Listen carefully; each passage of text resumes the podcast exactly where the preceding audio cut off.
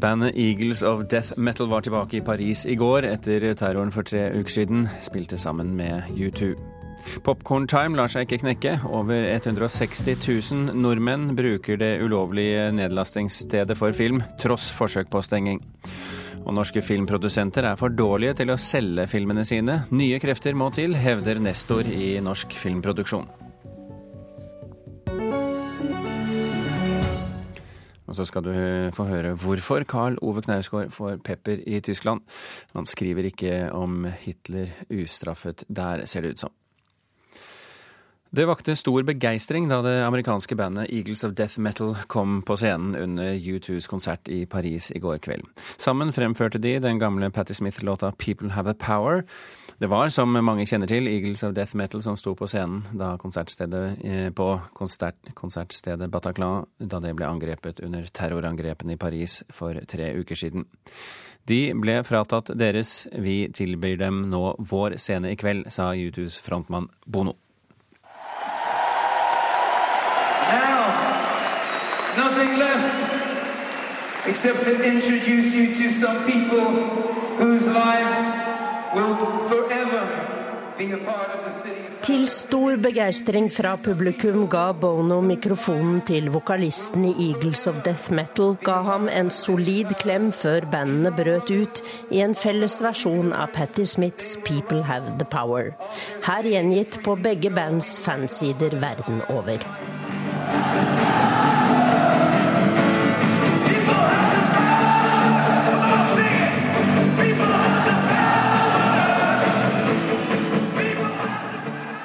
Amerikanske bandet overlevde terrorangrepet i Paris 13.11. 130 mennesker ble drept, 90 av dem i konserthallen Bataclan, der Eagles of Death Metal hadde konsert. U2s planlagte konserter i dagene etterpå ble avlyst. I går kveld delte de scenen og kalte hverandre brødre. These are our brothers, our fellow.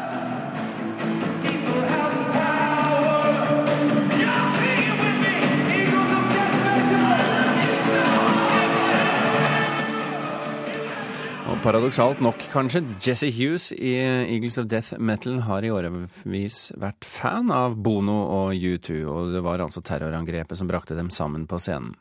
Hughes har sagt at uh, særlig er det at Bono klarer å kombinere det å være rockestjerne og politisk aktiv, uten at han av den bli, grunn blir en jackass. Hvordan man nå oversetter det ordet til norsk. Reporter her, det var Tone Staude, og hvis du vil se litt fra konserten, gå inn på nrk.no kultur. Thank you.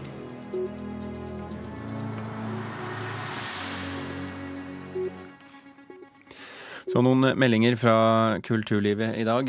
Motebladet Kostym avlyser bloggprisen Årets blogger etter at flere av de nominerte er mistenkt for å ha brutt åndsverksloven.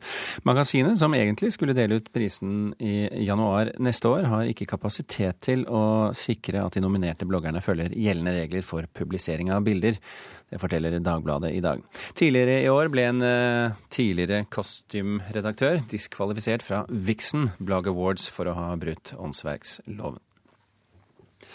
Norsk Journalistlag mistet 500 medlemmer i løpet av de siste fem årene. På samme tid har Den norske redaktørforening fått ett medlem mer.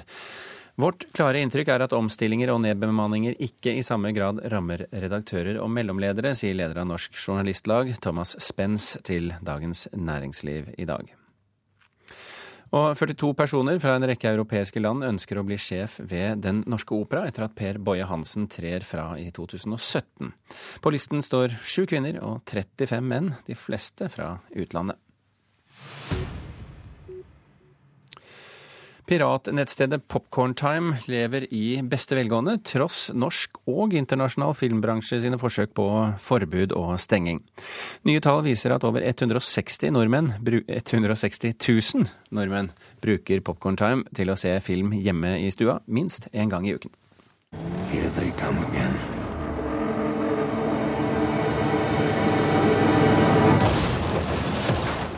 Det foregår en filmkrig på nettet mellom pirater og bransjen, og i oktober vant filmdistributørene en aldri så liten seier.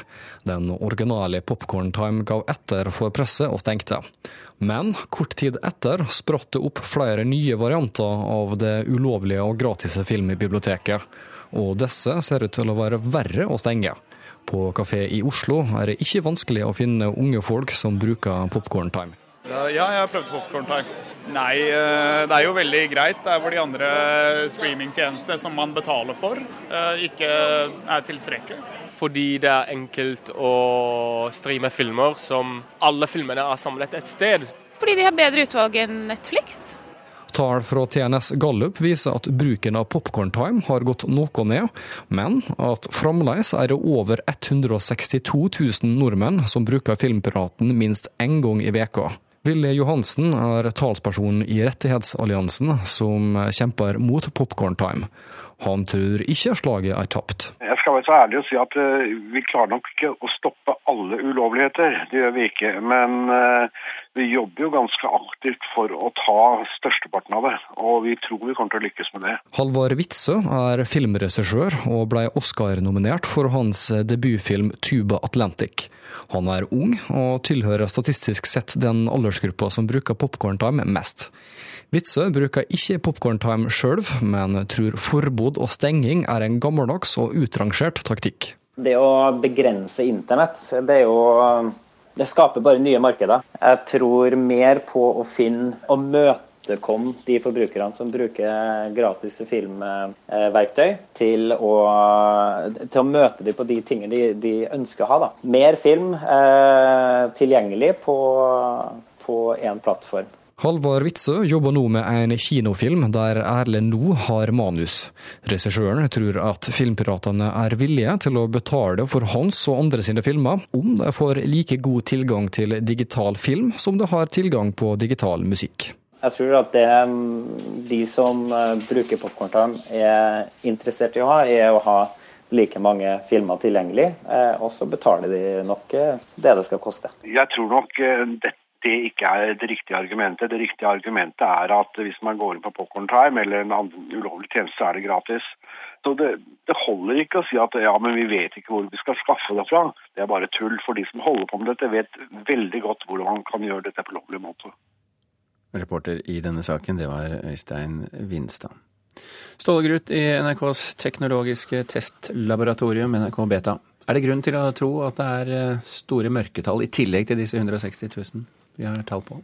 Det er litt vanskelig å si, men det at den har fått såpass stor utbredning og at tallene tidligere har vært veldig høye, gir jo på en måte grunn til å tro at det her er fortsatt eh, et, eh, et produkt som, som, folk bruker. Hvorfor spretter Popcorn Time opp med to nye hoder hver gang man kutter av ett? Nei, Det er litt sånn eh, et bilde på hvordan nettet fungerer i dag, rett og slett. Det er en del ja, løst sammensatte utviklere som har drevet og bygd på stein for stein på denne tjenesten. Og litt før de på en måte la igjen nå sist, så, så frigjorde de eh, den åpne kildekoden på nettet, som gjør at eh, hvem som helst kan egentlig gå inn og kopiere kopiere filene og lage sin egen variant. og Det er jo på en måte det her som har, har skjedd nå, for nå spretter det jo, som du sier, opp, opp nye alternativer. Men, men, hver gang vi i mediene melder at Popcorn Time er stengt, så hører vi latteren fra liksom det teknologikyndige internett. Hvorfor klarer ikke rettighetshaverne å stoppe dette? Nei, altså De har jo i hvert fall Eller det sies at de har, har lykkes her med Popcorn Time på en måte i, i, første runde, men det er det på en måte Det verseres eh, forskjellige historier om det på en måte indre splittelse her blant utviklerne, eller om det på en måte var rettighetshaverne sine At de gikk etter dem som, som lykkes. Så det, det er det, ikke, det blir en sånn eh, Det er et omkved her, rett og slett. For det, det er på en måte en, en samme historien som vi har hørt uh, veldig mange ganger. Men jeg tror ettersom at digitaliseringa vokser fram, og, og, vi ser at det digitale, altså det lovlige strømmarkedet både for musikk og, og, video har på en måte tatt over en veldig stor del av det som tidligere var analogt, så er på en måte dette en utvikling som, som, man ikke kan kjempe. Man er faktisk nødt til å komme opp med et lovlig alternativ på nett. Da, og det, det er jo noe som man ser i avisbransjen er veldig pressende her i Norge, f.eks Hvordan, hvordan skal man klare å ta seg betalt for, for nett? Men, men, det er på en måte vanskelig når det er så mange som er nødt til å bli enige, og man er nødt til å utvikle et felles system på en måte på linje med det her Netflix og Spotify. Derfor det, det kommer ting som er at vi skal være Netflix for, for aviser eller for, for andre typer medier. da. Mm, så de har knekt koden. Men du, du nevnte en løst sammensatt gruppe. altså Hvordan driftes Popcorn Time? Nei, Det driftes via, via altså, samhandlingsverktøy på nett som, som, jeg og du bruker på jobb eh, hver dag. Så det, det er på en måte en, en, veldig sånn altså IRK var en kanal som har blitt brukt, eh, eller sånn IRC, som er sånne chattekanaler på nettet som har blitt brukt. Men nå er man over på, på en måte, løsninger som tilbys av Google og andre. Så det er på en måte en sånn eh, Eh, man jobber sammen som man skulle ha sittet på et kontorlandskap. på en måte Bare at man sitter i forskjellige deler av verden. Og Dagens Næringsliv hadde jo et intervju med, med han som, som, i sin tid starta å designe Popcorn Time, og han, han sitter i Buenos Aires. Så det, det, er på en måte veldig Det er som du sier en slags hydra her med, med veldig mange hoder på forskjellige steder av verden. Og det er det som også gjør det veldig vanskelig å på en måte kjempe tilbake med, med denne type Altså, det å gå rettens vei, da. Mm. Så vi i NRK Beta lever jo etter den doktrinen at den beste måten å kontrollere innholdet er, er, å være den beste tilbyderen av det. Så det er på en måte det hvordan, hvordan skal man skape en løsning som folk flest vil bruke? For det er jo åpenbart et marked her. Folk har lyst til å se og konsumere film. Så hvordan samler vi det? Mm. Ståle Gruth i NRK Beta, takk for at du kom til oss. Klokken eh, nærmer seg kvart over åtte. Du hører på Kulturnytt, og dette er toppsakene i Nyhetsmorgen nå. USA vil ha Norge med i kampen mot terrorhæren IS i Syria. Det må vi vurdere, sier forsvarsminister Ine Eriksen Søreide. Ingen av de tre kvinnene med mest erfaring fra Telenor-ledelsen ble ifølge VG innkalt til intervju i sluttrundene da selskapet ansatte ny konsernsjef. Og utvalget i butikkhyllene styres av noen få personer. Forbrukerne taper når regjeringen dropper ny lov som skulle sikre konkurransen, sier Senterpartiet.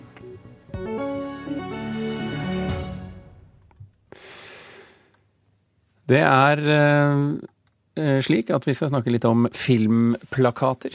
Skal du ha filmplakaten på veggen, eller skal du tjene penger? Det er tittelen på et innlegg eh, tidligere direktør Jan Erik Holst i Norsk Filminstitutt. Nå er han redaktør av filmbøker. Han skrev dette på filmbransjenettstedet Rushprint i går. Holst mener at norske filmer er for dårlige til å tenke butikk, og at nye krefter må trå til for å lansere filmen bedre. Være seg mer fancy filmplakater eller mer sexy titler på filmene. Hva drikker du for? Whisky. siden du har sett meg på TV, kan ikke du rive i en sånn til meg òg? Jeg skal forresten til Sverige. Møbelmesse? Jeg skal kidnappe Ingvar Kamprad. Are you doing anything special? No. No. no. Do you want to do something special? Yes. And a fish. Hva har skjedd mens han var i Afghanistan? Det var ikke så mye han ville fortelle, men det var tydelig at han hadde forandra seg. Vi hørte her klipp fra filmen Høst og Vende tilbake. Her er Harold, og jeg er din. Jan Erik Holst, velkommen til Kulturnytt. Takk. Hva er galt med disse titlene? De er lite spennende. De lokker ikke publikum inn. Man får en følelse av at kanskje man har sett filmen. Eh, plakat er jo en veldig viktig kommunikasjonsform sammen med tittel, men også innholdsmessig så må det jo fram. Er det stjerner? Er det basert på god litteratur? Er det noe kjennetegn ved det hele? Og eh, alle disse titlene du nevnte, de, ja, de, de gir ikke noe inspirasjon. De er ikke mystikk. Det er ikke invitasjon til å, å se filmen. Eh, har vi noe å lære fra Hollywood, med andre ord? Helt klart. Hva, hva spesifikt skal vi, eller norsk filmbransje, lære? Hollywood tenker vel eh, tittel og plakat veldig tidlig. Jeg har inntrykk av, uten at jeg vet det ordentlig, men jeg har inntrykk av at eh, i norsk film så kommer plakat og tittel litt seint. Og eh, det er litt rart når filmbransjen er så full av spesialister. Altså Vi ligger jo i verdensklassen når det gjelder foto, Eh, videoeffekter, production design, lyd og slike ting.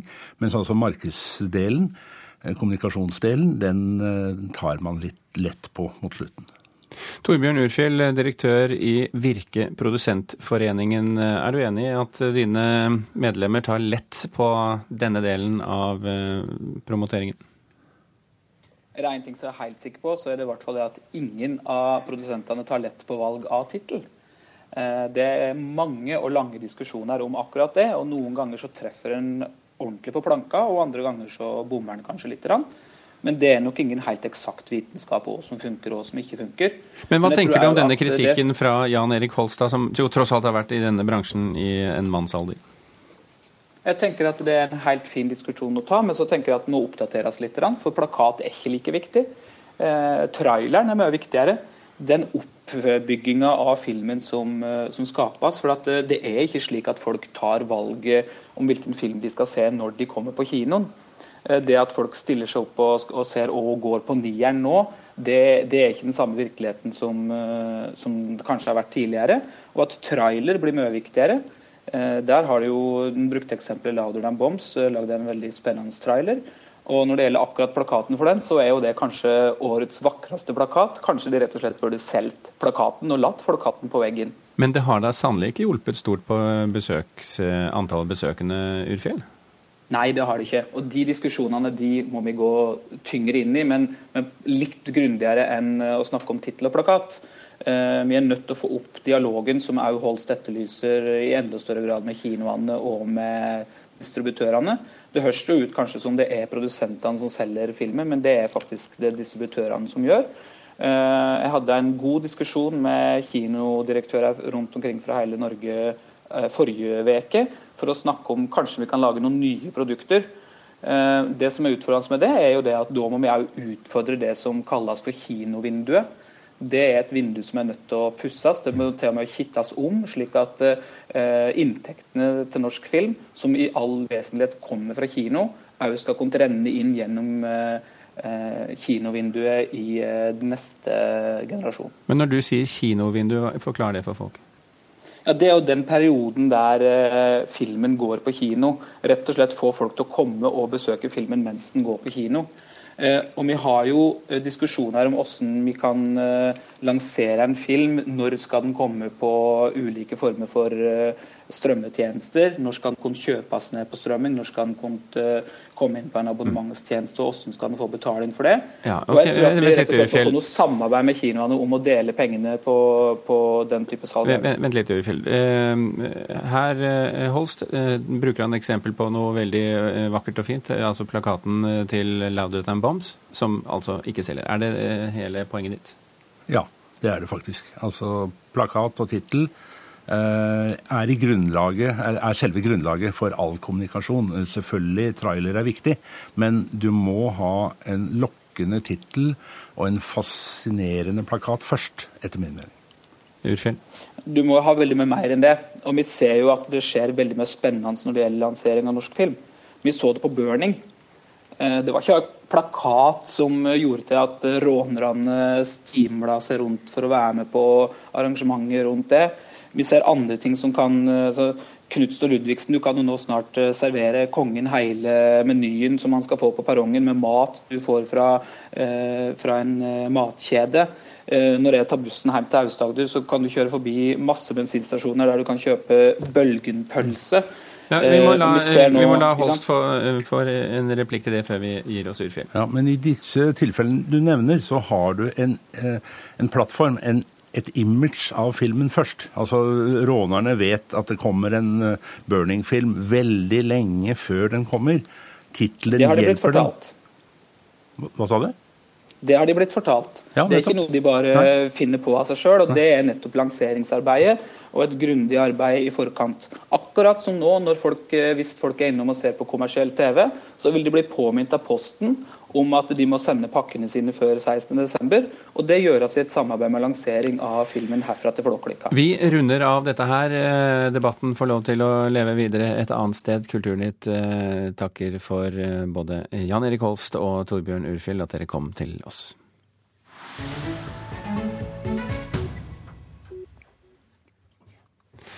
Jo Nesbø og Lars Saabye Christensen er blant de nominerte når en av Norges aller største bokpriser, Brageprisen, deles ut i dag. I tillegg er det nominert to bøker som begge har innhold fra Lofoten. En av dem er Morten Strøknes bok om havet. Det er fint med en påskjønnelse for det man eh, legger ned så mye arbeid og legger sjela si ned i. Men eh, med denne boka så har den gått så bra på alle fronter uansett, så eh, jeg er jo veldig fornøyd allerede. Morten Strøksnes er altså nominert til Brageprisen, som deles ut av stiftelsen Den norske bokprisen. Han har tidligere vært nominert for boka Et mord i Kongo, men nå er han nominert i sakprosasjangeren for Havboka. Den handler om, eh, om havet fra en lang rekke ulike vinkler. Alt fra mytologi til marinbiologi til uh, miljø, poesi. Uh, ja. Dermed ligger det an til at to bøker med innhold fra Lofoten kan vinne Brageprisen. I Åpen klasse, som fastsettes årlig, er det i år krim som er tema. Der er Frode Granhus nominert med boka 'Kistemakeren'. Han har skrevet flere krimbøker med innhold fra Lofoten, og jobber til daglig som rådgiver i Nav. Selve prisen deles ut i dag klokka 17 på Dansens Hus i Oslo. For Morten Strøksnes er denne andre nominasjonen noe tegn på at det han gjør, blir satt pris på. Det virka fra første stund at den boka på en måte traff hva skal vi si, hoppkanten. Og at ingenting kunne gå galt med den. og at ja, Den fått veldig veldig bra mottagelse. Så det er vel et eller annet med, med havet da, og den uh, rare historien som jeg forteller, som, som har en uh, appell. Og, ikke bare lokalt, men også internasjonalt. Og Det sa, sa Morten Strøksnes. Og Strøksnes har nå solgt boken sin til 13 land. Deriblant store land som USA, Tyskland, Russland og Kina. Og reporter i denne saken, det var Jon Inge Johansen. Det er farlig når Karl Ove Knausgård gjør Adolf Hitler ufarlig. Det skrev den tyske forfatteren Angelica Klüssendorf i avisen Die Zeit i starten av denne måneden, og for øvrig også i Klassekampen nå i helgen. Klüssendorf hevder at Knausgård gjør Hitler til en harmløs komiker i sin takketale da han fikk Die Welts litteraturpris. Og Knut Hoem, litteraturkritiker her i NRK, hvor kontroversielt er det i Tyskland det Knausgård skriver og forteller om Hitler i takketalen? Nei, De skvatt vel litt i salen, tenker jeg, når Hitler kom, eh, kom med i talen litt uti der. For tyskerne føler nok et visst eierskap til sine egne nasjonale traumer. Eh, vi så det da Daniel Goldhagen ga ut sin bok 'Hitlers villige hjelpere' i 1996, og vi så det da den amerikanske TV-serien 'Holocaust' kom på 70-tallet. At når det kommer noen utenfra og skal ta for seg eh, demonene i tysk historie, så blir det debatt i Tyskland. Men eh, det kommer jo da, hvis de, de gir ut eh, Min kamp 6, så kommer det jo et 400 siders essay om eh, Hitler. Eh, kommer tyskerne til å tåle det, tror du?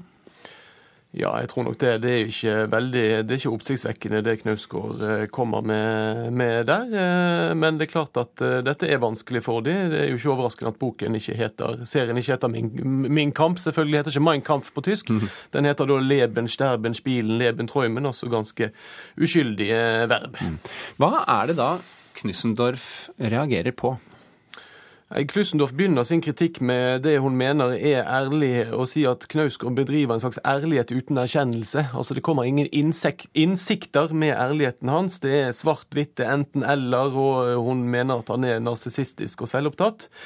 Eh, men det som kanskje er mest interessant, her, er jo det som du nevnte innledningsvis, nemlig kritikken av eh, dette med at Knausgård ufarliggjør Hitler.